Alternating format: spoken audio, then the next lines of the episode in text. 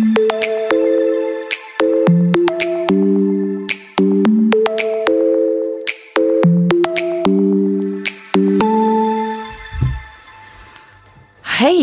til deg, Marte. Hei. Og hei til alle lytterne. Og kjenner du at uh, jeg er litt sånn excited i dag? Jeg kjenner. Kjenner jeg, jeg kan ikke kjenne det, men jeg Nei, ser for, det. for du, du har ikke de evnene. Jeg har ikke de evnene. Men vi har faktisk en gjest i dag som jeg tror har litt eh, andre evner enn oss vanlige dø eller, du- er vel kanskje forhåpentligvis dødelig, du også? Jeg, jeg regner med det. Ja, ja, ja. Jeg, jeg, jeg vil helst ikke bli 200. Men vi har da en av i hvert fall mine favorittpersoner som jeg bare syns er så vidunderlig deilig. Lilly Bendriss på besøk i studio i dag. Velkommen hit. Velkommen. Tusen takk. Og det her, Vi har jo sagt ganske lenge nå at jeg bare sånn, «Åh, jeg har så lyst til å ha Lilly Bendriss på besøk.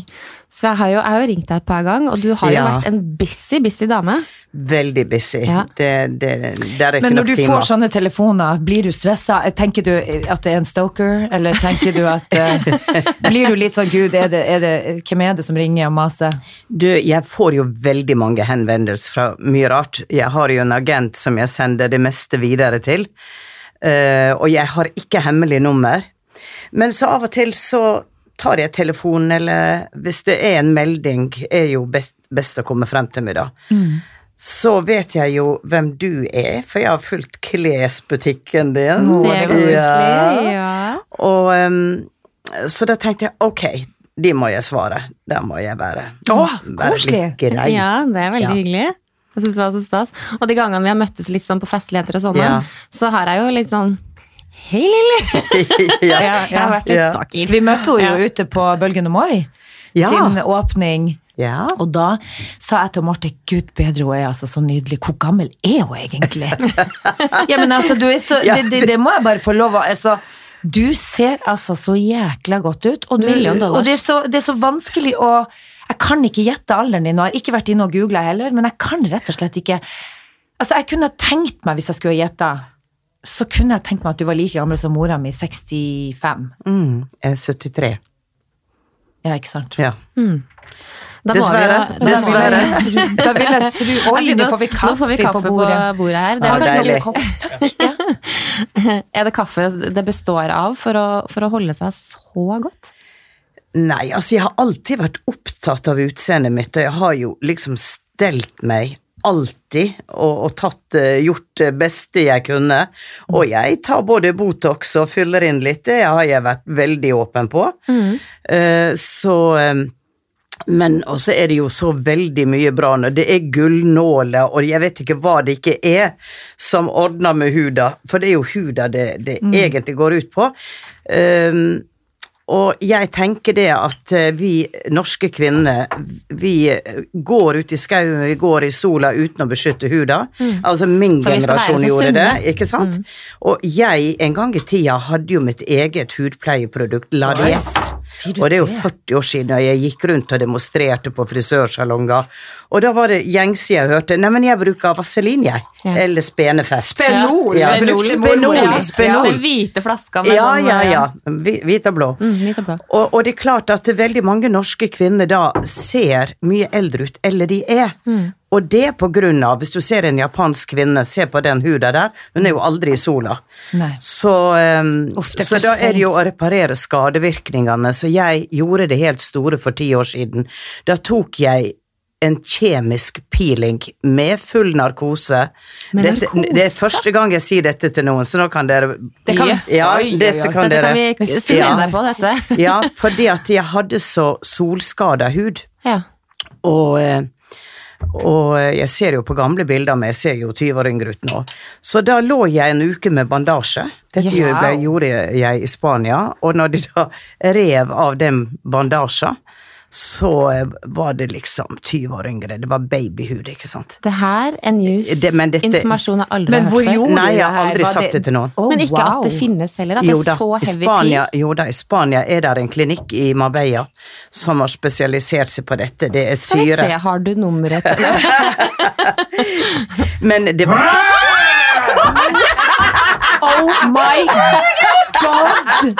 Da kommer det akkurat når jeg snakker om piling, så kommer trollende ut. Nei, men Altså, nå holdt jeg på å dø. Nå skal du ta livet av oss. What is going on? Her kommer Erlend Elias skremmende inn her. Inn nå kjente jeg fikk gåsehud helt i tærne.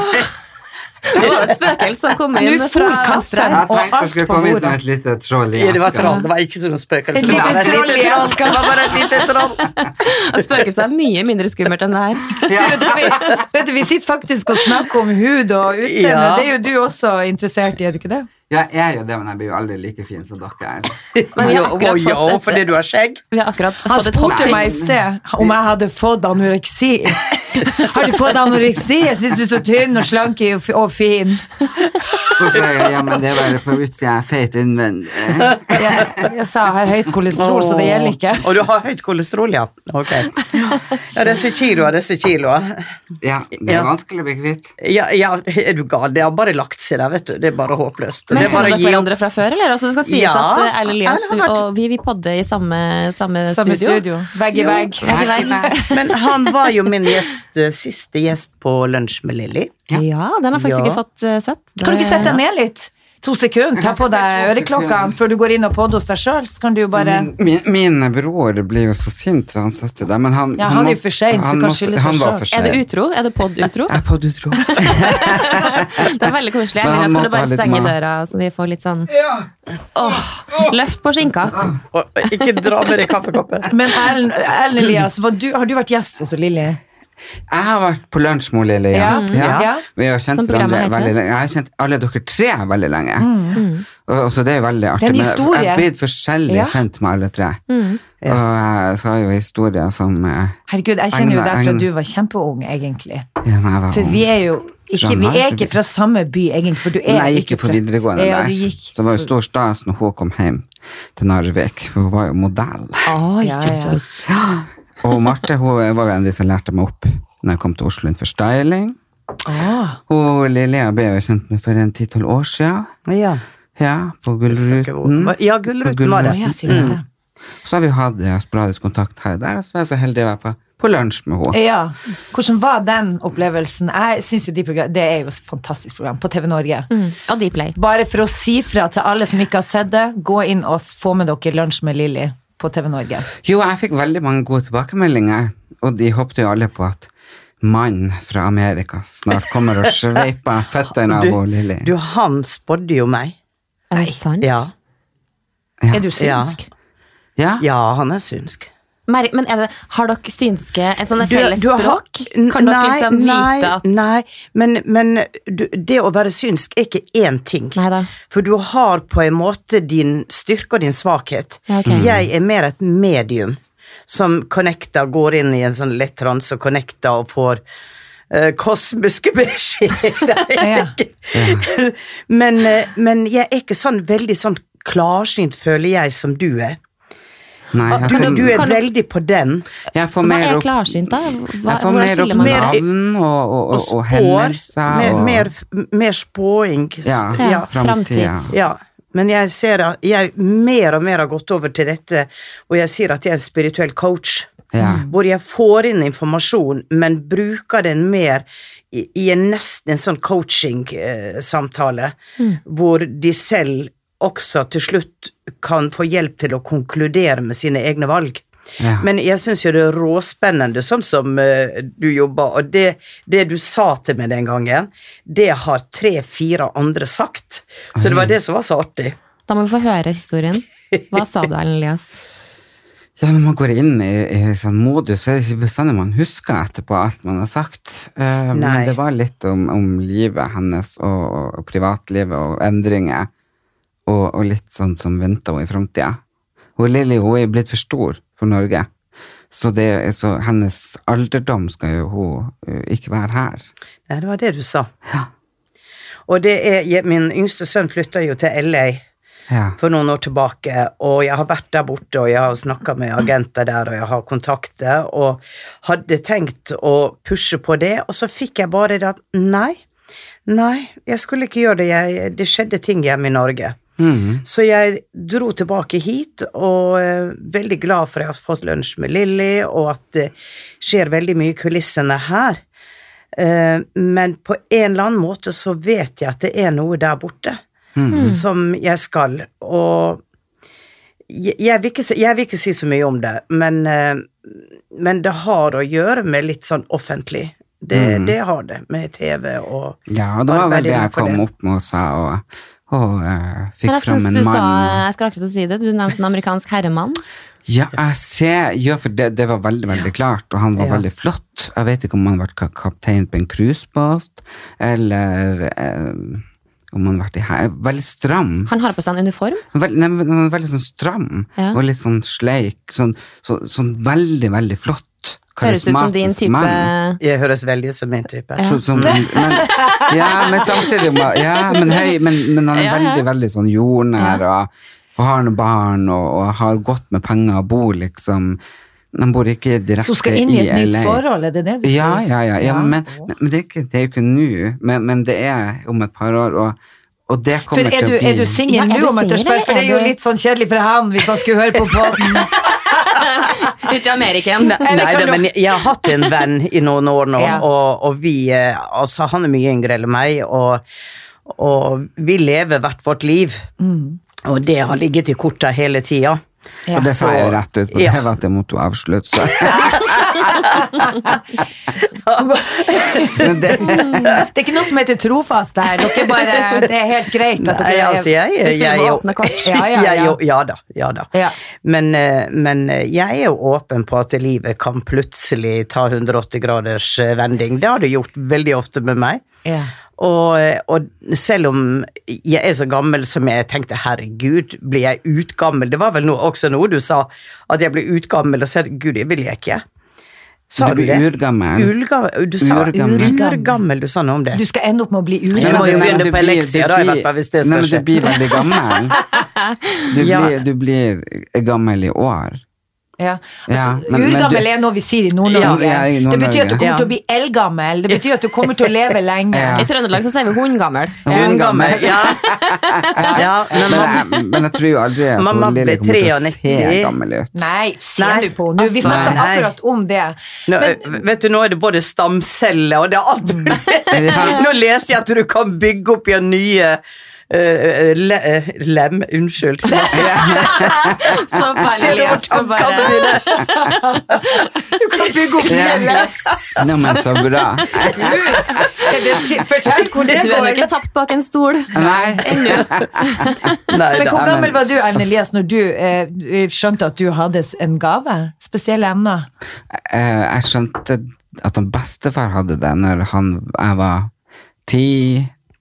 Så begynte jeg vel å kjenne litt på det når jeg var 14, men først når han døde når jeg var, uh, før jeg, jeg var 19. Da begynte det liksom å komme, og han ga et tegn, og da liksom kjente jeg det. Og så, ja, i starten, når vi Marte, sånn jeg kom til Oslo, sånn, så brukte jeg det litt, ikke sant, på nachspiel, og sånt å prate, men så mer og mer man kom inn i det miljøet, sånn, så passet det jo ikke inn. Det er jo to verdener som er vanskelig å forene. Men så har du en litt sånn jokete stil òg, så det var litt sånn vanskelig å vite om For jeg tror ikke du visste egentlig sjøl at det her var litt sånn Ja, men det er lettere å ta på nachspiel enn å ta Ja, det sånn seriøst. Ja, ja, ja. Så vi var, litt- det var jo litt sånn derre Kødde, kødde, du nå, eller er du Mm. seriøs? Mener du det? Eller så tuller vi litt med det, og litt sånne ting. Men, Ja. men jeg ser jo mye i ettertid, så hadde du jo veldig mye rett med veldig mange ting. Ja, jeg sa jo når da, dere skulle bli gravid, jeg sa jo Det er sant. eh, Og liksom sånn, du blir gravid det året, og, og alt det her stemte jo sånn, men har vel kanskje ikke tatt det så seriøst før man blir litt eldre. Og, og sånn, men det, for det er jo ikke når, sånn som eh, før man klarer å beskytte seg, så er det jo ikke så lett. Nei, men var du redd når du For det kan man Det er bli. fordi at jeg kunne kanskje være sammen med personer, og så kjenner jeg at de lyver, og at de ikke vil meg godt, men de står og smiler meg opp i ansiktet. Ja. Ja. Ja, Og da er Det er så vondt, for man kan ikke si liksom Hei, du. øh, Du, du, du, du, du For du har ikke noe bevis. Du bare kjenner det på kroppen. og så blir Mm. Man jo litt inntrykk. paranoid Det er mye inntrykk. før man klarer det. Men så, så lærte jeg jo en måte på hvordan man låser det, og hvordan man lager en sånn usynlig boble der man slipper å få alt inn. Ja. Men da blir jeg jo mye mindre sosial også, da. ja. Man trekker, trekker igjen følehornene. Men det kan være ja. lurt. Ja. For lære Men jeg, må, men jeg må jo si, hvis jeg skal hoppe over til noe annet før jeg drar, Ja. at dere er veldig heldige som er dame, fordi nå har jeg vært og sett litt, eh, eller ser mye på det, alle Real Housewives overalt. Er over hele, ikke sant, New York og Hollywood og ja. Damen bli, ja, ja, men damen blir jo bare penere og penere. Hæ, det er jo omvendt! Nei, mannfolkene blir jo gubba. Hva? Nei. Jeg må nei. si mannen din. Sølvrev. Liksom uh, Min mann. Ja. Men han ble jo i, den, i Linn Skåber sin greie når han hadde på seg tupé. Han fikk tupé, og han syntes det var så flaut. Han Jeg syns det var så flott. Ja, men skal jeg få tak i Jeg en? syns han burde ta bruke den. Ja, men altså, det er jo dødt hår, det ser jo faken ikke ut. Men vi har ledd mye av det. Og det verste var at han måtte sykle med den hjem en gang og hente ungen. Vet du hva, den blåste rett opp. Og nesten så Men det er jo en på Instagram som jeg ser som uh, jobber med menn, og han, det håret sitter jo et halvt år, så han limer på med en slags lim, oh, Gud, ja. og det ser utrolig fint ut, og det er veldig mange profilerte eh, nordmenn som bruker det uten å nevne. det. Mm. Men er det ikke bedre å bare stå for at man er skalla og skeiva av seg hele skiten?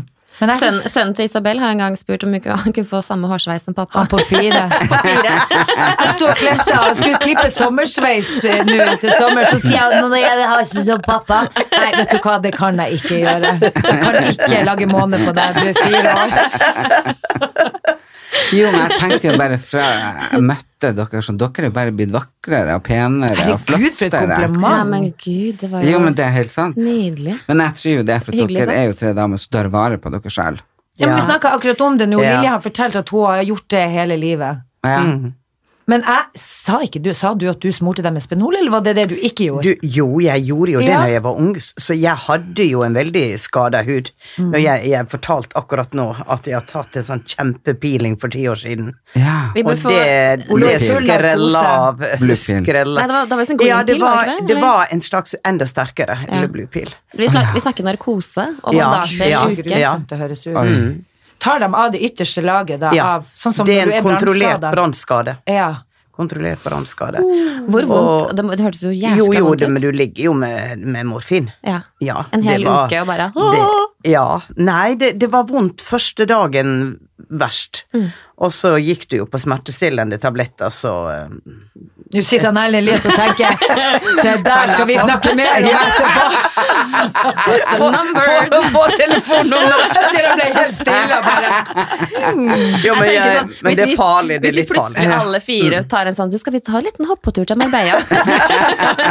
og bli der Hele gjengen kom hjem med Jentetur. Nei, Gud, Men det som plager meg mest, jeg vet ikke, dere to er jo så trent.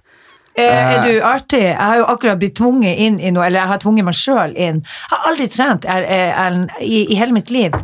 Jeg det- pusha har- inn på et treningssenter. Jeg, jeg er sånn som blir sur når jeg ser på alle de treningsvideoene til folk. Jeg synes det er så kjedelig. Jeg blir helt sånn, å, Men med folk som trener og er så slank, blir sikkert dritsur når de ser på deg, og du sier du Ja, ikke ja, men da kan jeg fortelle alle der ute at jeg har jo høyt kolesterol. Så jeg er tjukk inniti. For, det, for jeg hadde aldri trodd jeg skulle få var flanka. Love handles. Ja, Velkommen i klubben! Har du fått håndtak, jeg har fått Erlend? flanka så inn i helvete. Jeg bare tenk- for jeg var på den klinikken Nei. Nei, det gjør ikke jeg heller. Nei, for jeg har sånn treningsangst. Ja. Du, det var Ellen Elias, Vet det du var der egentlig karrieren starta. du vet at du og Og da- det var der jeg fikk treningsangst. Ja, jeg havna på sykehus. er, her er det en oppgave for seg å høre. Ja. Jeg og Elias Ja, skal vi- gå På treningssenter Ja, men jeg har gjort det før, jeg. Da måtte jeg jo. Filmes, det var seks kilo ned, og da hadde jeg personlig trener Ja. og kostholdekspert, Ja. eh, og da gikk jeg jo ned. Jeg kunne jo ikke la være da, men jeg hater det jo. Ja, Det er det verste som Men finnes. Men jeg så jo på den, jeg holdt jo på det, jeg syntes det var så artig. Og du fikk, du ble jo innlagt på sykehus. Fikk rabdomyolyse. Ja. Ja. og vet du hva, jeg kan hilse og si at det gjorde jeg òg. Gjorde du? Jeg hadde en personlig trener på Sats Elixia, og jeg sa det, se på denne kroppen her, den er ikke livlaga, du må få den i gang igjen. Jeg har ikke trent, eh, så ta vare og be careful. Yeah. Han kjører meg så steinhardt at jeg klarte ikke å komme meg hjem. Jeg fikk sånn narkoknekk på veien eh. Jeg klarte ikke å stå opp, jeg måtte holde meg fast i gjerdet. Jeg gikk bort som en tulling bortover. Men jeg var jo ekstremt mye tynnere. Jeg var kanskje 25 kilo tynnere da, når vi lagde denne serien. Så jeg så jo ikke uttrent ut. Ikke sant? Jeg så ut som jeg var normal. Det ser virkelig ikke ut som det er 25 kilo pluss her, altså. Det jo fra den serien. fra det blotte øyet herfra. Nei, men nå har de jo Nå har du på en veldig islandsk stor islandsgenser på. da. Ja da. Men det er faktisk Jo, Og det er jo klart at hvis du kommer inn dit relativt slank, mm. du ikke er veldig er overvekt, så tror de jo liksom at de kan bare pushe. Men som jeg sa, det er ei gammel dame på 82 år som er 260 kilo egentlig, så vær forsiktig. Men det hørte de ikke. Men du husker, du har jo sett meg på mitt aller største. Ja. Når jeg var rett etter jeg fikk datteren min, og, og Ja, ja, men jeg hadde jo Det var til borreliosen, og Ja. jeg hadde gått på så sykt Nei, det var vel egentlig før Det var før. Det var når du gikk, Du gikk jo på, på Var det ikke kortison, eller? Nei, det var jo Det var etter Olivia Nei, Emma-Lise var født, Ja, og, så gikk, og så ble jeg jo syk, ikke sant? Ja. Da var jeg jo var nesten Var det kortison 90 da? Ja. Når du ble Ma ja, masse, masse kortison, og da var jo jeg var så svær. Ja, du var stor. Nesten, altså, nesten 100 kilo, liksom. Ja. Det er helt sjukt. Mm. Se for 97 seg. kilo. ja. Og det er der jeg har vært i vår. Da var det 89, jeg husker ikke om det var 89 eller 97, men det- stor vei i hvert fall. Ja. Så mitt håp er jo å komme dit, men jeg bare orker ikke å bli en gammel gubbe. Så tenker liksom, det må jo reddes. Ja, men da må du begynne å trene på Nei, jeg tenkte å måte fettsuge deg. Jeg bare fettsuger alt og putter i rumpa. men skal du putte i rumpa? Nå skal Sofie Elise ta det ut igjen. Ja, men hun putter jo plastikk i, jeg skal putte fett i. Å gud, så Det lekkert. eneste jeg er redd for da, at hvis jeg overspiser, at jeg får en sånn afrikansk. Vet du hva, det var så koselig besøk til jente. Nå skal jeg gå inn til min Her var det mange gode helsetips. Dette ble, det her ble Fra å være syns til å sitte bare og snakke om fettsuging og Vi eh, eh, synses og slankes. Takk for meg. Jo, det var hyggelig å ha deg på Veldig mye fornuftig som kom ut av den eh, lille samtalen. ja, ikke sant? Til alle dere der ute, ikke gå hjem og fettsug dere. Går i Han tror han er så synsk at han kan gå gjennom døra, så du det? Han tror at han slipper å åpne den, han bare gjør sånn. Det var et spontant besøk, så Ja, det var det, men det var veldig koselig, da. Så veldig hyggelig. Ja da, Ja. han er herlig. Han er en fest. Ja, ja, Han er en fest. Jeg har uh, mye gøy å fortelle om han, men det skal vi ta på en annen på. Men, men, egen men vi kan jo fortsette, for vi gikk jo da fra ja, beauty ja. Altså, de rådene dine, da. Jeg vet ikke om man skal gå rundt og anbefale at alle skal kjøre på. Det, jo, eh, det får folk gjøre hvis de har lyst til, tenker jeg. Eh, hvis de har lyst til å ta Botox eller ikke, det er opp til hver enkelt. Men Ja. Lilly Bendriss ser i hvert fall ut som et glansbilde her og sitter. Nei, det gjør jeg ikke. Jeg har jo rynker sånn, men det er jo klart Ja, at men eh, noe skal vi nå vel ha, for guds skyld. det, det å ikke overdrive det, da. Mm. Ikke sant? Fordi at eh, jeg har jo vært en del i Hollywood, og det er ganske skremmende en del av de Ja. ansiktene du ser der. Ja. For de er ødelagt. ødelagt. Ikke sant? Men å ta og, og sånn som jeg sa, det er bare litt hud. Lilly, det er bare litt hud. Mm. Og jeg tenker at en 73 så er det innafor. Og så er det Ja, når begynte du å, å ta Botox? 65, tror jeg. Oh, ja, men da drøyde du den lenge, og Ja, det er jo ja. Det veldig er veldig gøy, for du gjorde det omvendte som oldefaren min gjorde. Fordi han har alltid levd så asketisk i hele sitt liv. Liksom Aldri drukket alkohol, aldri røyka. Ja. Og han bare Nei, nå på gammeldagene så skal han jo begynne å bli litt uskikkelig. Så Ja. han begynte han begynte å bli storrøyker i en alder av 75. Oi. Så han Oi. var, altså, du, altså, jeg så jo basically ikke oldefar, fordi han satt alltid i en sånn damp av uh, røyk. Så han puffa jo, for han, han klarte liksom ikke å inhalere. Han satt Nei. bare og Var det sigar? Da hadde han bestemt, seg for det. Han røyka sikkert 20 om dagen, da. Ja. Og bare Nei, nå skal han være litt uskikkelig. Ja, ja. Nei da, altså, jeg tenker at folk må gjøre hva de vil. Det jeg er skeptisk til, er at når de begynner unge, Ja. eh, å lage et modellansikt hvor alle skal se like ut, Mm. det blir sånn, ok, hva er forskjellen her? Det er det er noe med å ha din egen personlighet, din egen Mimikken, look, din egen ja. mimikk, din egen Så det er jo det skremmende med det, Og at alle ser like ut, blir de Alle, jo. alle ser, begynner å se like ut. Ja. Så um, jeg forsøker på en måte å opprettholde eh, et utseende som stemmer mer med sånn som jeg føler meg innvendig, og jeg er veldig estetisk med alt mulig. Og da blir det feil for meg å gå med et ansikt som kanskje er fullt av rynker. Da tar jeg bort litt av de rynkene. Har noen tilbake. Ja, for du gjør det bevisst at du måte bare tar Jeg tar litt forsiktig. Du litt ser, sånn, du ser nå at jeg har jo Nå er det seks måneder siden jeg har tatt Botox. Mm. Og nå eh, skal jeg ta det litt forsiktig igjen. Men blir det for mye, så blir det Ja, For jeg ser jo at eh, på midten av pannebrasken her, så er det som en liten barnerumpe. Ja, Og så har du fremdeles litt sånn eh, Ja, litt, Litt sånn tynne, jeg har litt sånn tynne Ja. rynker. Men, eh, men det, det syns jeg helt Det syns jeg er helt greit. Ja. Men det er noe med at jeg syns ikke man skal gå rundt og fordømme andre fordi at de gjør ting en selv ikke gjør.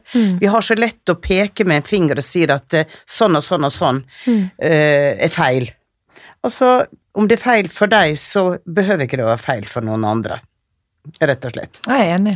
Har du Ja. kjent på, har du fått eh, liksom folk som har enten venninner eller i bransjen som bare sånn Hei, Lille, skal du Er du sikker på at du skal gjøre det? Nei, faktisk ikke. Men det er vel fordi at når man blir såpass voksen, Ja. sånn som du har Når Ja. du starta, så var, vi jo, var du jo voksen, og da, er det det jeg vel, da tror jeg folk begynner å passe litt mer på sitt eget. Gjør man? Jeg får Ja. håpe det, i hvert fall. Ja.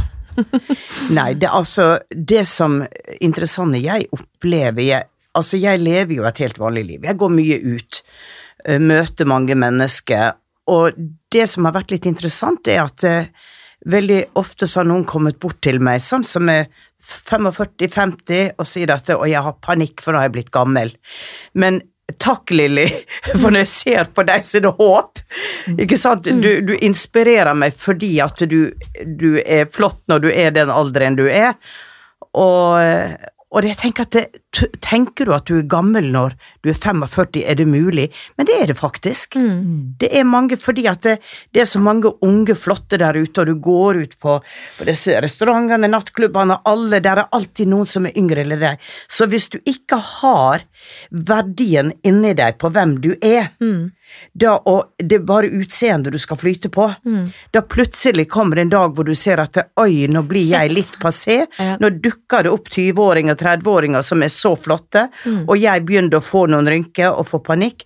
Så det som er viktigst, uavhengig av alt, det er jo at du arbeider med den du er inni deg, og står trygt og sikkert i den. Ja, litt eh, og, og, og det synes jeg er litt interessant også, for jeg ble 40 år, og jeg Ja. syns at det begynner å bli sånn derre Man er vant til å være liksom av den younger crowden, for jeg har Ja. hatt eller eh, older crowden, Ja. for jeg har alltid vært vant til å ha Jeg har også hatt masse eldre venninner. Så Ja. jeg har alltid vært liksom lille attpåklatten. Ja. Men nå er jeg liksom blitt en av de voksne, Ja. og jeg begynner å få være den derre som Men hører det er du, så, jo- Men så godt deg, eller liksom Ja. Men tror du ikke sånn, det er litt- her begynner folk å si Jo, det til nei, meg. men det er jo fordi at det, det handler litt om hvor vi er i livet og nå, ikke sant. Jeg føler jo at veldig mange på vår alder, eh, vi har jo masse barn, og vi er mer hjemme enn det vi var før.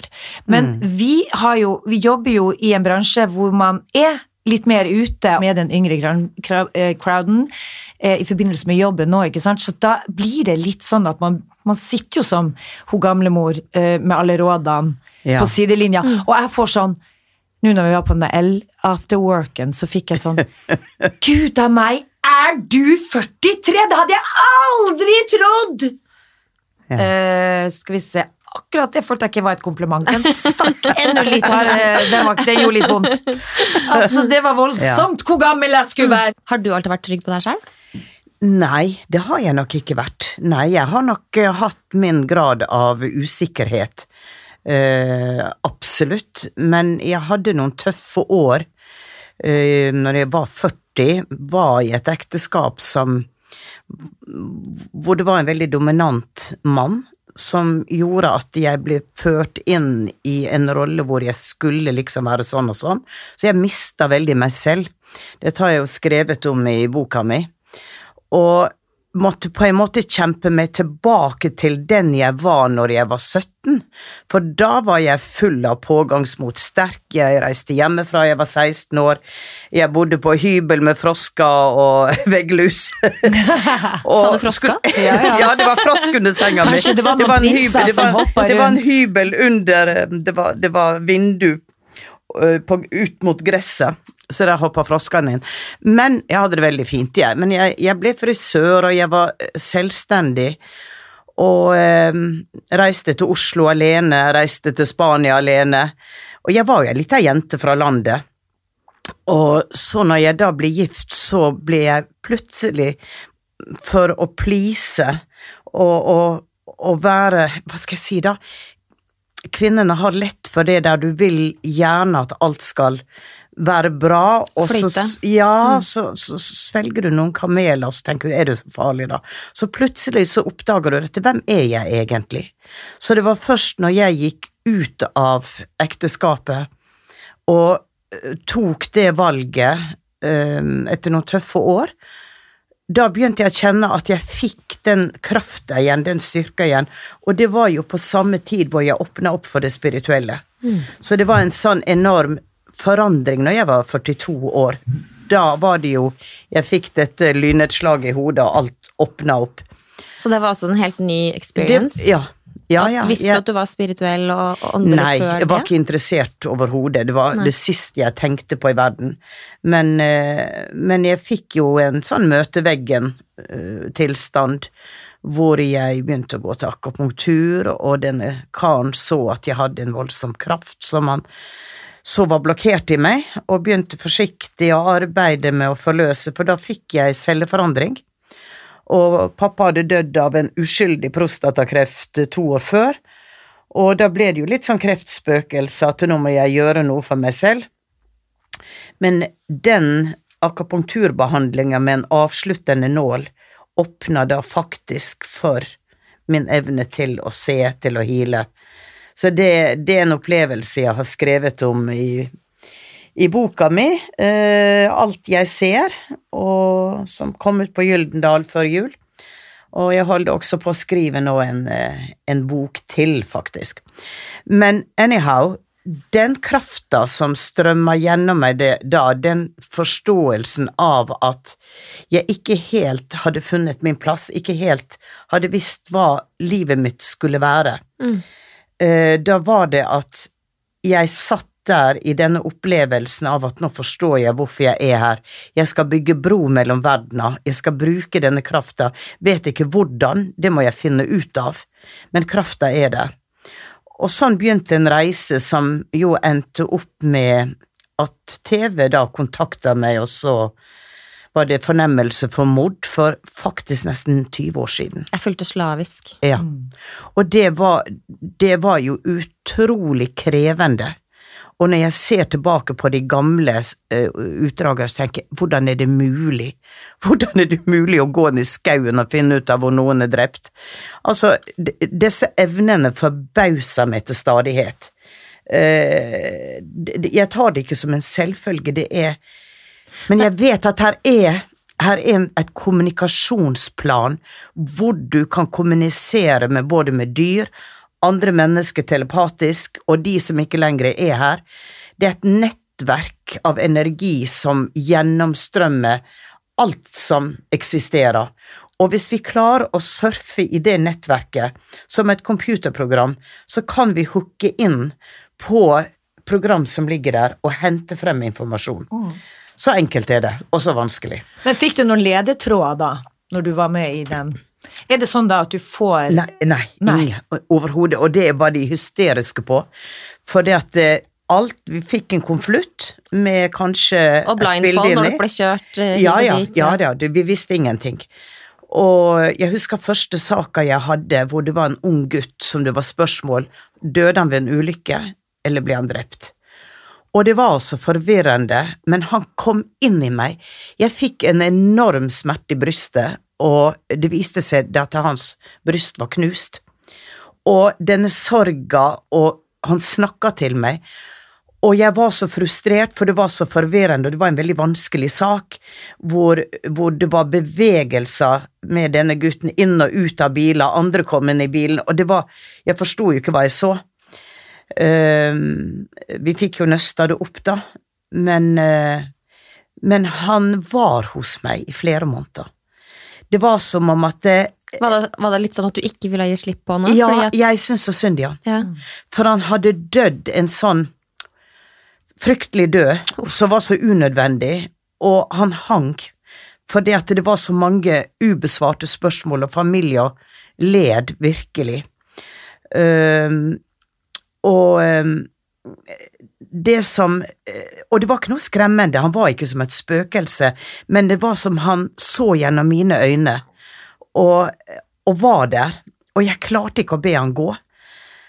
Inntil en kveld med Sissel adopterte han, rett og slett? Ja, jeg adopterte han litt. Og så var det vel eh, kanskje fire måneder etterpå jeg satt på en konsert med Sissel Kyrkjebø, og da kom han.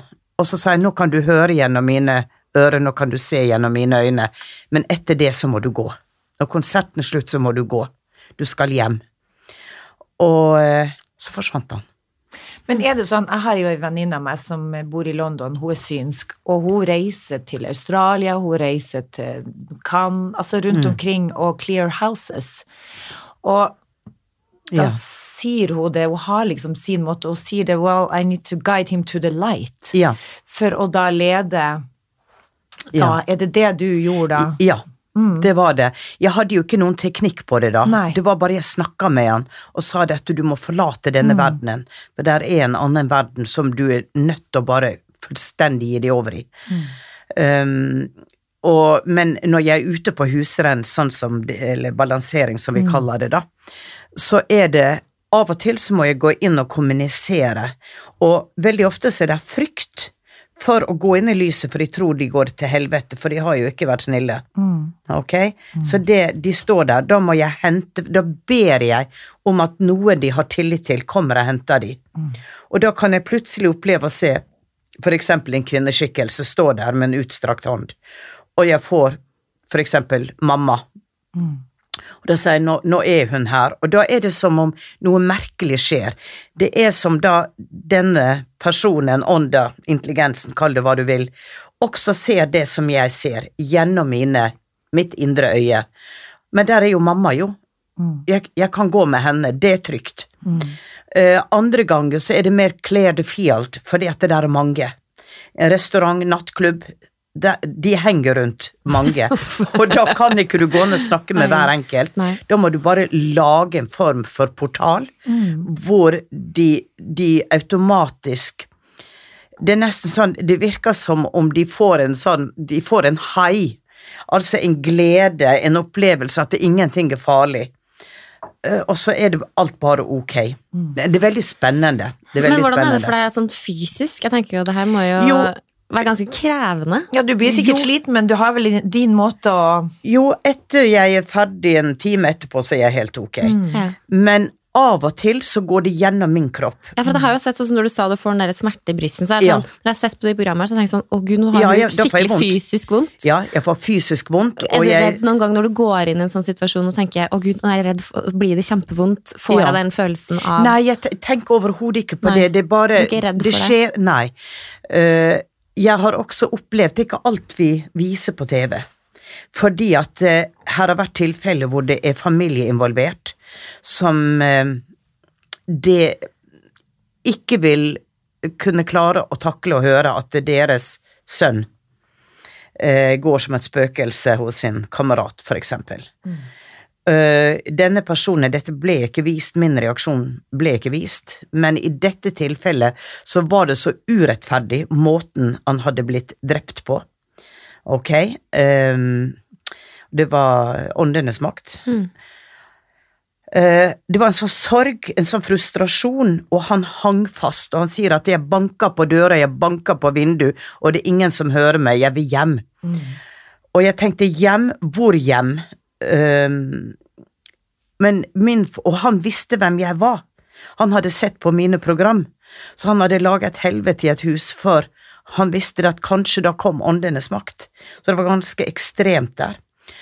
Og eh, da lot jeg han Så sa jeg at jeg forstår følelsen av så total urettferdighet. Og i, i sympatien, empatien med han, så bare kjente jeg han kom inn i min kropp.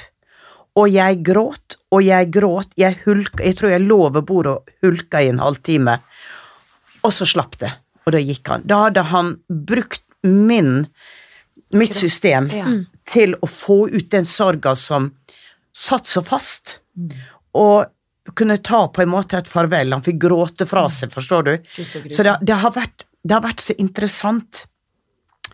Uh, og da vet jeg at når jeg dro hjem da, jeg var så utslitt, jeg var så utmatta, at jeg, må, jeg måtte bare legge meg og sove i tolv timer. Men så var jeg helt ok når jeg våkna.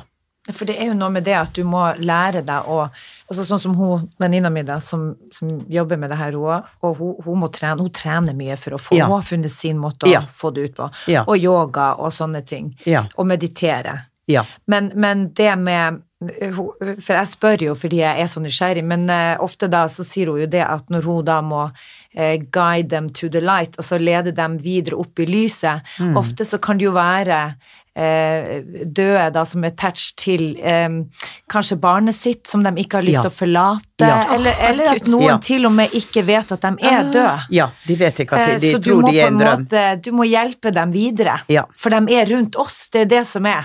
Eh, Det er, det man kaller, går- er det det man kaller gjenferd? Er det ja, de som ja, ja, fordi at eh, de går jo dit hvor de er kjent. Mm. Fordi at eh, det er som de er fast i en drøm. Nå kan jeg få spørre om en ting da? Hva, Ja. når, når man, hva er det som gjør at man på en måte blir igjen, eller ikke veit at man er død, eller hva er det, hvor er de nyansene som gjør at en Det sjel ikke Det er noe som går litt feil. Ja. Det er noe som går litt feil. På og det veien. Kan, ja, på veien. Inn i døden. Ja, og det kan være en veldig brå, brå død, eh, hvor de ikke forstår at de er døde. De- våkner som i en slags drøm, og ser ikke da den høyere dimensjonen. Så de, de blir fast, og, og det som ligger i frykt, for eksempel, eh, det er en lav frekvens, det er en jordfrekvens. For den er ikke tilstedeværende i, la oss kalle det himmelen, da, eller åndeverdenen. Og når de er i en frykt og dør, så kan de bli hengende i den emosjonen som hindrer de i å stige bevisst til den andre verdenen. Men det interessante her er at eh, de fleste har for så vidt gått over, men noe henger igjen. Eh, Det de sier er at vi består av sjelspartikler. La oss si at jeg består av 100 000 sjelspartikler. Og når jeg dør, så eh, går 98 videre, men to sjelspartikler kan hende igjen. Den ene sjelspartikkelen har hooka seg inn i en opplevelse, et traume, som har en lav frekvens.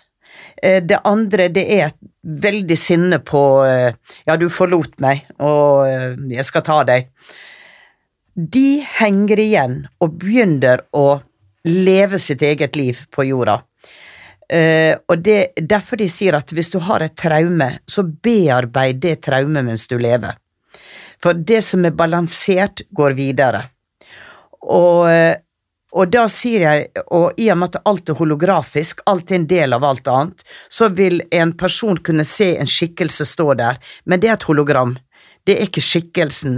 Men sånn de, to ja, de to partiklene som er der, det skaper jo, eller gir et omriss av hele personen. Men dette er litt sånn komplekse greier som, som vi tror vi måtte ha Altså, det et er sikkert program mange av bare for lytterne det. våre som på en måte Noen er åndelige, noen er ikke det. Ja, Ja, ja. Eh, Jeg må jo si at jeg er jo kjempefascinert. Jeg har ingen erfaring med Altså Mammaen min og morfaren min De har jo litt sånne sensorer ute. ja. Eh, Men jeg er veldig fascinert av det. Og én ting er at jeg har alltid vært redd for å dø.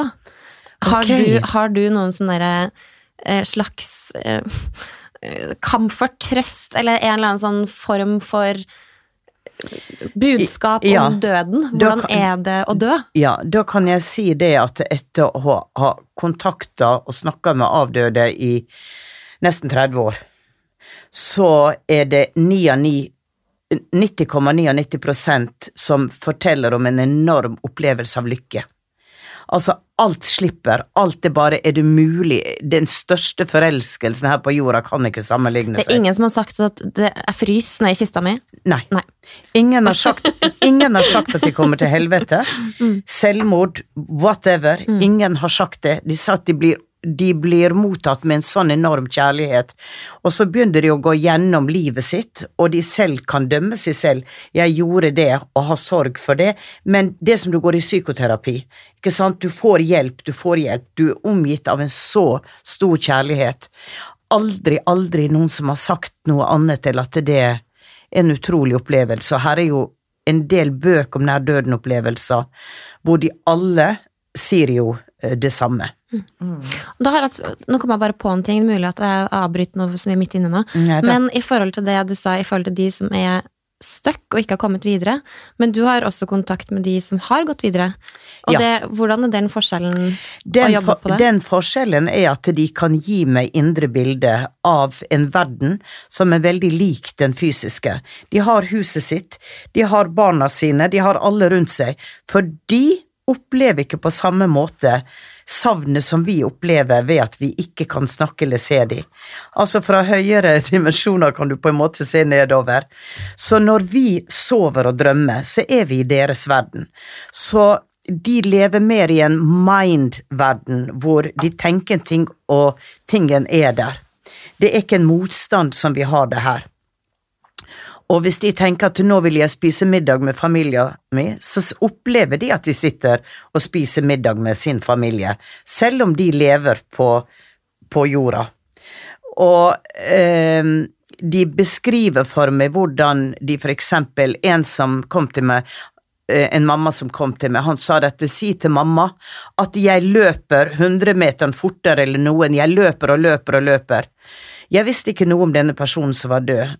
Mamma begynte å gråte, og så sier hun min sønn satt i rullestol og var lam. Mm. Så da ville han si til mammaen at eh, jeg er fri. Jeg har det fantastisk, og jeg løper. Ikke sant? Og det er sånn ting at det, det er ikke noe du, du kan si det at jeg gjetter det, men det er så ofte så treffsikkert, og det er så gjenkjennende, at eh, eh, de som sitter der, får en, en trøst, en opplevelse av at de har det bra. Er du sjøl redd for å dø, eller hvordan ser du sjøl på det å dø? Overhodet ikke. Jeg er redd for smerte. Jeg er redd for å ligge på sykehus med, med, med slanger i armene og lide og ha det vondt og smerte. Det, der er jeg, det er jeg redd for. Men uh, selve døden Nei, nei, nei. nei, nei. Overhodet ikke. Men det er godt å Jeg, jeg, jeg, Jeg- trengte en liten booster på Nei, den. men jeg, jeg forsvinner jo ikke. Jeg vet jo at Lilly fortsetter. Ja. Jeg fortsetter å erfare meg selv. Eh, jeg hadde jo lyst til å bli kunstner da jeg var ung, men det valgte jeg bort. Og så tenker jeg, da skal jeg begynne å male. Ikke sant? Og da skal jeg lage de mest fantastiske kjoler.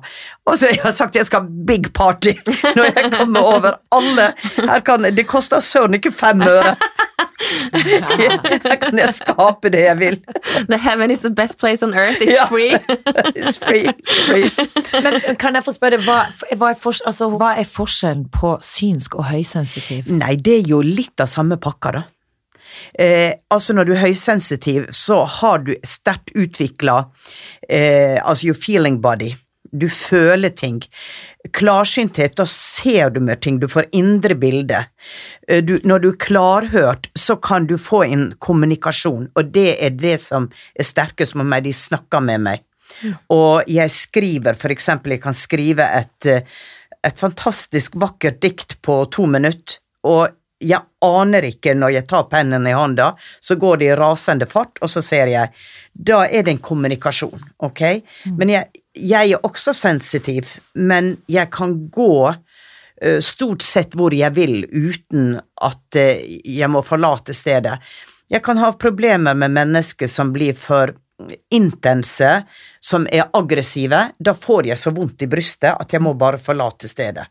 Så, så sinne er noe av det som for sensitive tror jeg er, er veldig vanskelig. Men ellers er jeg veldig flink å på en måte ha verden litt der ute. Lager en sånn vegg rundt meg hvor du kommer dit inn og ikke lenger. Har du noen tips til Isabel som eh, er høysensitiv Ja. i forhold til hvordan man skal finne den Ja, for man må liksom lære seg å enten bruke det, eller eh, så jeg tenker sånn eh, å lære å balansere. har- Det jo- Det er jo når det kommer når du, ikke, ja, når du ikke ønsker det. Så visualiser at du har Du er eggplomma i et stort egg. Og da tenker du det at det er den hvite utenfor eggeplomma, det er, en, det er et felt av beskyttelse. Og så har du eggeskallet, som også er hardt, men det er jo litt fragile, da, så det kan slås i stykker. Men så tenker du det at du har som en tynn gullring rundt eggeskallet. Og når det er rundt, så er du totalt beskytta. Det som kommer, de kommer til denne gullringen, og der sitter du og er totalt beskytta. Det kan høres ut som en barnelek, eller det høres veldig naivt ut, men faktisk, hvis du integrerer det og tenker det, så vil du oppleve at det faktisk fungerer. Og så er det jo tider hvor du vil være åpen og sensitiv. I en romantisk situasjon vil du jo gjerne ta alt som kommer. Beklager. Kristian, jeg har på meg gullegget mitt. Da får, du ta, da får du ta bort gullringen og skall og hele pakka. Nei, for det at det der er jo teknikker du kan bruke, ikke sant. Og det som skjer er at når, hvis du hadde min jobb, ikke sant, og begynte å bruke det, så er det også lettere å stenge av, fordi at du får det gjennom. Du får alt dette gjennom, og så har du da pause hvor det, hvor det da er mye tommere. Så når jeg går på byen og noen sier ja, det er jo litt skummelt, og du ser alt om meg, jeg, sa, jeg ser ingenting. Jeg, jeg har nok med mine klienter, og når jeg skal jobbe, jeg tar ikke med meg jobben på byen. Så jeg er helt stengt. Det, er ikke, det er ikke noe problem. Nei, jeg må Så- lære å stenge. Så der er jo masse teknikker, der er kurs, og der er skoler, der er det ene og det andre, hvor du kan lære dette her. Men, for det er også en prosess, det er ikke bare å knipse med Jeg ser fingeren. ut å si det, du må sikkert trene ganske mye på det. Ja, du må bevisstgjøre det. Mm. Du må kjenne etter når du kommer i en situasjon. Er du bevisstgjort på det, så kan du si det at ok, nå er jeg her igjen. Mm. Skal jeg gripe inn? Men kanskje det ligger i livsplanen din Mm. At du skal gripe inn. At du er en som ikke skal være passiv og ikke bry deg, men at det er faktisk en del av det du har kommet for å gjøre. Har du tenkt Ja, på det? jeg er jo Jeg føler jo at uh, Altså, jeg bryr meg jo så intenst om mennesker. Ja. Det er sikkert derfor jeg er først til åstedet og skal inn og hjelpe folk som har kjærlighetssorg, og jeg skal Ja. gi råd. Men så blir jeg så veldig skuffa hvis jeg ser at de bare kaste vekk alt eh, av råd og utsette seg igjen og igjen Ja. for tortur på tortur, og tenke. Men det kan du ikke. Du kan ikke. Du kan gå inn og gi en beskjed. mm, Men de eh, De vil alltid gjøre som de selv vil. Ja. Innimellom så tar de noen hint, men de har på en måte behov for å høre de gode rådene. Det hjelper de der og da, men de må selv erfare at det nok er nok. ja, ikke sant? De må det. Ja. For du kan heller ikke bli en søppelbøtte. Ja. For da er du den de kan komme og klage til, og du Mm. hører på dem, og du hjelper dem. og så sier du som du sier, at så går du ut og gjør akkurat Og det det er jo samme. der skuffelsen min kommer inn, og Ja. frustrasjonene mine Ja. hver gang. Ja. Du kan si at det der er en grense om å blande seg inn. Ja. Og den Fordi at eh, Jeg husker når jeg hadde åpna for healing, jeg vil jo heale hele verden. Men der er en Heal the world. Det, ja, men der er en grense at eh, du kan observere, og av og til griper du inn. For at vi blir jo her i Vesten en verden hvor folk ikke bryr seg om å hjelpe andre. Eh, så du har jo den veldig sterkt fremme. Uh, men når du jobber med det, så kommer folk til deg fordi at de vil De at du skal si du- noe til. ja. Ja. Pluss at du får betalt. Pluss at du får betalt. Ja, men det er riktig. Mm. Det er riktig, for da er det, da er det jobben din, Mm. og det er en utveksling. Så du kan jo vurdere om du rett og slett eh, fremover i ditt liv skal faktisk gjøre litt som jeg gjør. Ja, man man gjør. må gå skole. Det gjorde hun venninna mi. Hun gikk jo på ei Ja, det, i, i dag så vil det etter hvert bli kvalitetskontroll, det vil bli strengere rammer. Eh, så det å kunne ta en type klarsynt mediumskole, det tror jeg eh, er veldig lurt hvis man skal eh, jobbe med det. mm, Interessant. Er barna dine Har de den gaven? Du vet at det er litt artig for um, Jeg stiller jo egentlig når jeg veit svaret, fordi Ja, de er analytikere. ja, jeg vet. Alle er analytikere, og min eldste sønn blir, blir kalt av um, eh, bladet Kapital, hva heter han? eh, åh, Hegnar. Hegnar. eh, blir kalt den klarsynte analysten, eller et eller annet sånt ord. Og så vet jeg Rashid sa at eh, Takk Gud at han ikke vet du er mora mi! For det var jo for en spøk. Men, men han er analytisk. Han er left brain all the way. Rådyktig. Eh, men så satt vi og snakka da om at eh, ja, men det er ikke alt du kan analysere, du kan vite alt. Det er jo be- ut, eh, beregninger. Ja, men jeg har en veldig god beregning. Ja, men allikevel, når du går utenfor det, hva Hvorfor sier du det du sier? Eh, magefølelsen. Instinktet, magefølelsen. Og de som gjør suksess i næringslivet, i business, de har denne magefølelsen av at ja, jeg, jeg, jeg tar den dealen, jeg bare vet det. Det er en klarsynthet, men det er ikke det de kaller det. Nei. Interessant. Jeg har alltid vært skeptisk det er, til dette her. Men, og, og, og når venninna mi, som i utgangspunktet er utdanna eh, interiørarkitekt og har jobba med det hele veien. Og så pang, så plutselig så hadde hun fått seg ny jobb, og, og så er jeg synsk. Og så tenkte jeg, men i alle dager, Ja. har du mista det? Ja. Tenkte jeg. Ja.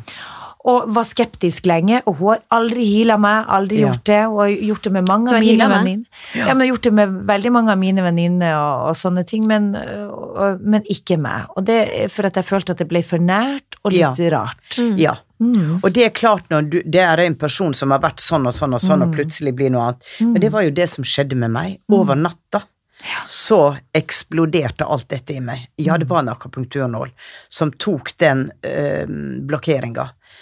Og eh, det er klart at eh, jeg fikk jo støtte av min familie, men det var jo mange som liksom titta litt på meg. Eh, og hva i all verden, hvor har du lært det? Og jeg kunne jo ikke forklare det. Og det jeg, det jeg har sett i mine over 20 år som kursholder, er at på kursene mine hvor du bygger opp et sterkt energifelt, plutselig er det noen som ligger og vaker rett opp under at de åpner. Den sterke energi, eller det sterke energifeltet som blir bygget, det gjør sånn at de kan gå inn og gjøre et kvantesprang. Og de går hjem, og de ser aura, ikke sant. De går hjem, og de har brennende hender. Eh, altså, jeg har sett dette skje igjen og igjen og igjen. Men, eh, men fra det punktet så sier jeg jo alltid da at hvis dette er noe du skal gå videre med, så gå og lær, fordi at det er estetikk.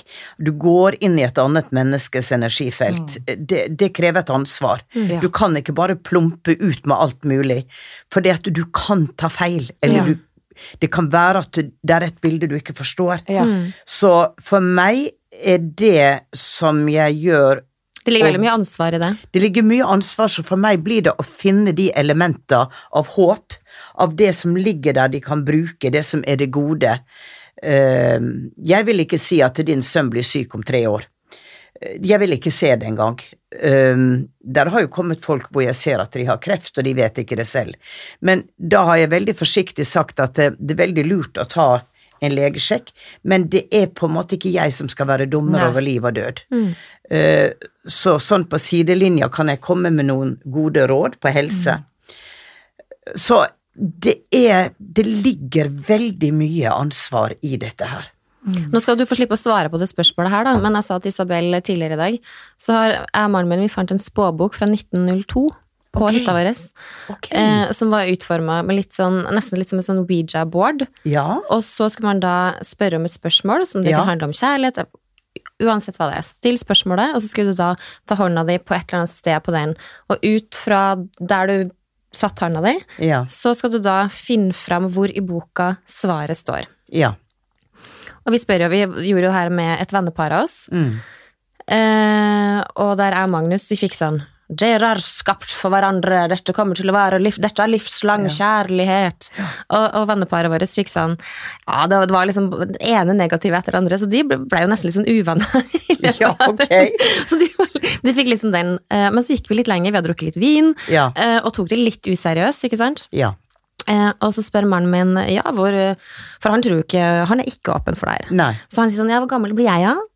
Eh, og så sier boken, eh, du skal bli så mange år at du ikke kan telle de. Og så var jo jeg litt sånn der, ja, ja, en så raus å bjuda på, da skal vel jeg tørre å sp- sp- spørre om det samme, da. Ja.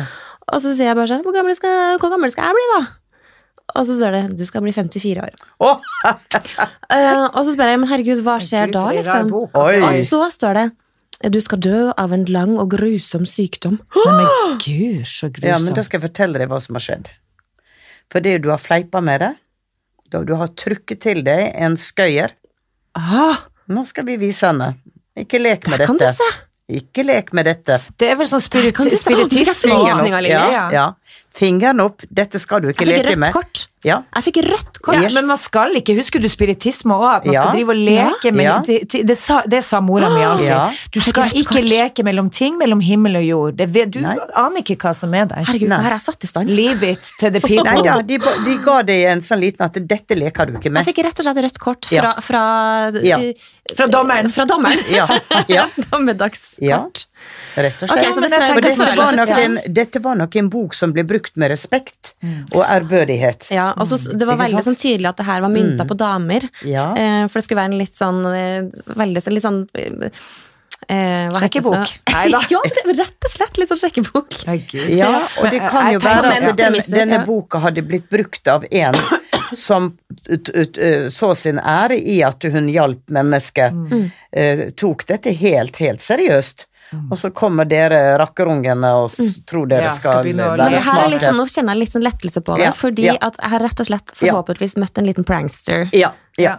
Som, eh, som syns at jeg skal slappe av litt Ja, med å tulle med det her. Ja, ja. Vi, gjorde det, vi gjorde det samme, og eh, med Måtte en, dekke en venn av meg var eh, 20 år, ikke sant? Ja. Ja. Og det som kom der, jeg djevelen ligger under skjegget Ja, ditt. det er. Og han turte ikke å sove på soverommet i flere, flere år. Og han hadde det der i hodet sitt. Men ja, har du og prøvd? Tenk da, og vi, måtte, vi holdt på med spiritisme, og så hadde Som vi hengt- Ja. Ja, Og så, og så var det jo alltid noen som drev og flytta på. Ja, ja. Herre min, det rørte på seg. ja. Og vi, hang, vi dekka til, vi fikk, altså det var jo sånn dekk til eh, speilet, så du ikke ser jævelen i speilet. Ja. Men så falt det ned, det der. Så vi, vet du hva, og vi var alene hjemme, vi sprang ut av huset og holdt på å fryse oss i hjel. Vi torde ikke å gå inn igjen. Vi måtte gå inn til naboen og Nei, for vente da til satt mamma og satan kom. i Ja. speilet og venta på deg. Ja, for vi tenkte at vi Ja. så jo jævel det var han som slengte ned et teppe. Men tror du på, på, på et helvete og, og, og jævelen og alt det der? Nei, helvete, nei. Nei. Nei, nei, For jeg har ikke noe følelse av at det finnes engang. Nei. Jeg tror det finnes Nei, et helvete på jord, men det er det vi Ja. mennesker som står for, i så fall. Ja. Nei, du, du kan jo tenke deg at en torturist ikke sant, må face sine egne gjerninger, og jeg vil nok tro at han kan oppleve det som et lite helvete, ja. ja. Men helvete som en tilstand og et sted, nei. Det tror jeg ikke på. Det er ikke sånn flammende svart Nei. grotte med Nei. Nei. Altså, religion har jo brukt det for å ha makt og skremsel, ikke sant, å og holde folk i eh, I excommunicate you. You're burning for eternal helvete, altså. Herregud. Er Du snakker om at du var redd for eh, speilet, ikke sant? Hva tror du en sånn setning Ja. vil bety for en Ja, person? ja. Jeg er ikke religiøs, jeg, eh, jeg er spirituell. Jeg, går, jeg går direkte til sjefen, jeg. Ja. Ja. Ja. Eller who's the boss? Hva sier du at? Hvem er sjefen? som er sjefen? Sjefen er det store feltet av intelligens og kjærlighet som gjennomstrømmer alt. Det er ikke en mann med skjegg. Det er en kraft. Det er en kjærlighetskraft. Det likte jeg veldig godt. Ja. For jeg syns han med skjegg høres litt skummel ut. Ja. ja, han dømmer, vet du, og han står med fingeren. Nei, man har nok hatt et behov for å kreere en skikkelse Vi snakker mange tusen år tilbake, ikke sant? Eh, primitive mennesker, de laga de laga alter, og de hadde dukker på alteret som de tilbød. Romerne hadde sine guder og gudinner som de virkelighetgjorde. Um, men i um, i eh, jødedommen så er ikke det noe bilde av Gud, ikke sant? Og heller ikke i buddhismen. Så det er jo litt forskjellig hvordan de er bygget opp. Men vet du hva jeg tror? Jeg tror ikke jeg skal begynne å, å hile folk, fordi den, den, eh, den tror jeg ikke jeg, vet ikke om jeg kommer til å klare å, å, å stenge av de følelsene. Å være nøytral. Jeg går for inn i, i livene. Men det jeg er god på, er å spleise, sette sammen Kanskje du skal bli. Du skal bli en matchmaker? Har Ja, match, matchmaker. matchmaker, ja. Og Ja. Linn Skåber er jo en god venninne av meg, og hun Ja. sa det, vet du hva, Isabel, du burde søren meg få deg et kontor på Løkka, hvor folk, folk kan bare komme og banke på ruta og si Eller en TV-serie. Ja. Sånn som hun derre der, Millionær. millionær- eh, millionær, ja. ja. Fordi jeg har, altså, først og fremst så er det jo jeg som har gitt Linn da sin nåværende kjæreste, og som jeg tror hun kommer til å ende opp Som var med hennes for- min store kjærlighet når jeg var 18 år. Eller jeg ble forelska i han eh, da jeg var 16 år, og vi var på noe jazzkurs, eh, jazzskole sammen, jeg og Ja. han.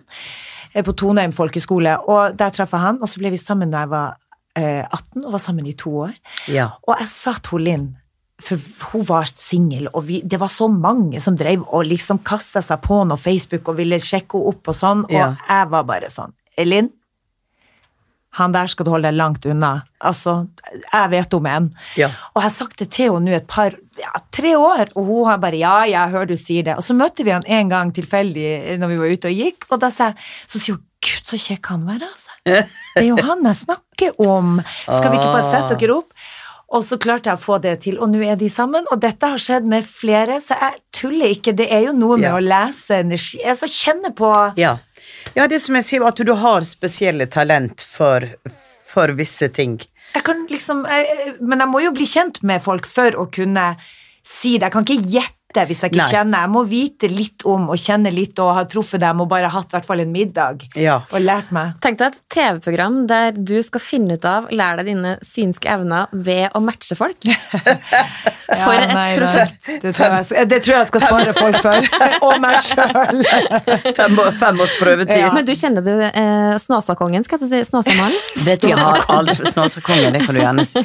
Du vet hva, jeg har aldri møtt han. Har du ikke det? Nei, det har Jeg gikk ut av han da jeg var liten. Gjorde du? Gjorde du? Er han fra ditt område? Han er fra Snåsa, rett ved Steinkjer. Ah, Og søsteren min, som er veldig, hun er jo psykisk og fysisk utviklingshemma. Okay. Så min mor tok jo eh, søsteren min med opp til Snåsa og fikk Ja. veldig mye hjelp der. Ja. Og så begynte jeg, jeg sleit litt med rygg, eller sånn småting Ja. sånn underveis, og så var jeg med der én gang. Og jeg husker på jeg kom inn der og var litt sånn Å, syntes det var litt sånn skummelt, og, ja.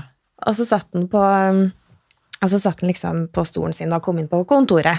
Ja. Altså, vi hadde jo litt sånn, For han ville aldri ta imot noe penger for, eh, for eh, de øktene han hadde. Men vi hadde, tatt med, vi hadde tatt med noe potet eller noe mat eller et eller annet sånt. Oi, så koselig. Så, ja, ja, ja. Det var sånn bygde... Ja. Så hadde vi liksom sånn eh, Så hadde vi glemt det i bilen. Så vi hadde tenkt å gi inn det etterpå, da. Men så, sa- så sa vi sånn Du, vet du hva, den der potetene du har i bilen, dem kan du bare ta med. Signe blir jo sikkert kjempeglad for det. Kan hun begynne å lage noe middag? Så han sa det uten Ja. at dere hadde sagt Ja. at de lå Ja. der. Ja. Og da sier han at, at bare kona liksom Ja, men Signe står nå oppe, hun venter på potetene som ligger i bilen. Og vi bare ja. ok, det er jo Nei, da men han er veldig spesiell. Han er, han er unik. Ja, og da er jeg kom unik. inn der, Ja, så så han på meg, så sa han sånn Ikke tok han på meg enda. Og så sa han bare Jeg ser at du ser litt dårligere på det ene øyet ditt. Og det stemmer jo. Ikke alvorlig, Ja. men bitte litt. Og så ser jeg du hører litt dårligere på det andre øret ditt. Eh, ja, det stemmer også. Eh, og så satte jeg meg ned, og så tok hun på meg, og så sa den også bare Jeg tror det går bra med deg, jeg. Ja, det var, det var da enda godt. Mm. Det var- enda det de var det. Men så sa han også du kommer til å gå gjennom store, store, store eh, Om ikke livskriser, men du kommer til å gå gjennom voldsomme ting. Men du skal bruke det til noe godt i voksen alder. Ja, ja. Og så sa han også en veldig artig ting som jeg sitter og venter på, da. Og du eh, Jeg kan se at du blir ei veldig, veldig holden dame. Holden. Holden. Betyr det ra Ja. rakrygga? Det det betyr rich, rich bitch. Oh, Gud, jeg håper det smitter litt over på meg. Rich. Og jeg bare Snåsakallen, kan du være så snill å bare si litt sånn Hva skal jeg gjøre for å få det? Ja. Kan du estimere Det må du finne ut av Ja. sjøl. Ja. Så jeg sitter og venter på det, da, at det skal skje. Men hva er tipset til de, fra deg nå til alle der ute, hvordan man bør leve livet sitt, uten å gi noe sånn Men jeg tenker sånn, det er jo en grunn til at du utstråler det du gjør av både Altså, du ser jo flott ut, og du har en sånn smittende Livskraft. Ja. Det, det, det jeg tenker er at å tørre å leve livet, rett og slett. For det er så mange ting man kan gå og ønske, og så tør man ikke. Og rett og slett å bruke Du har et liv. Selv om jeg tror på reinkarnasjon, du har et liv. Og du angrer på det du ikke turte. Du kan aldri ha garantier for at dette går bra, for det er så mange som sier jeg kan gjøre det hvis jeg vet at det går bra.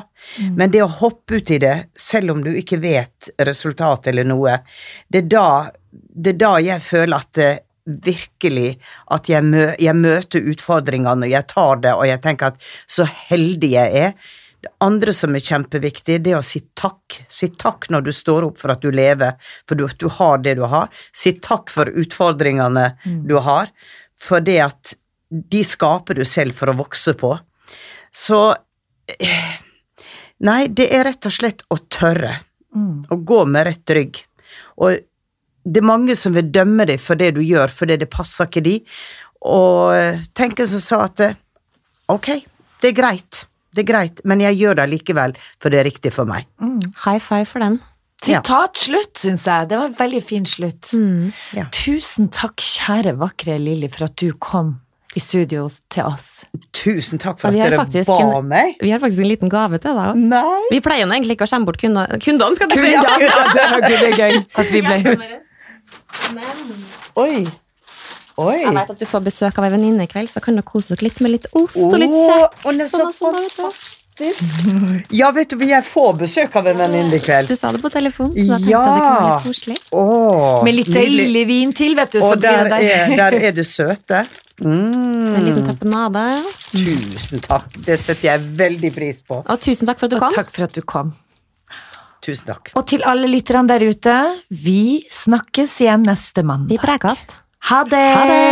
Ha det.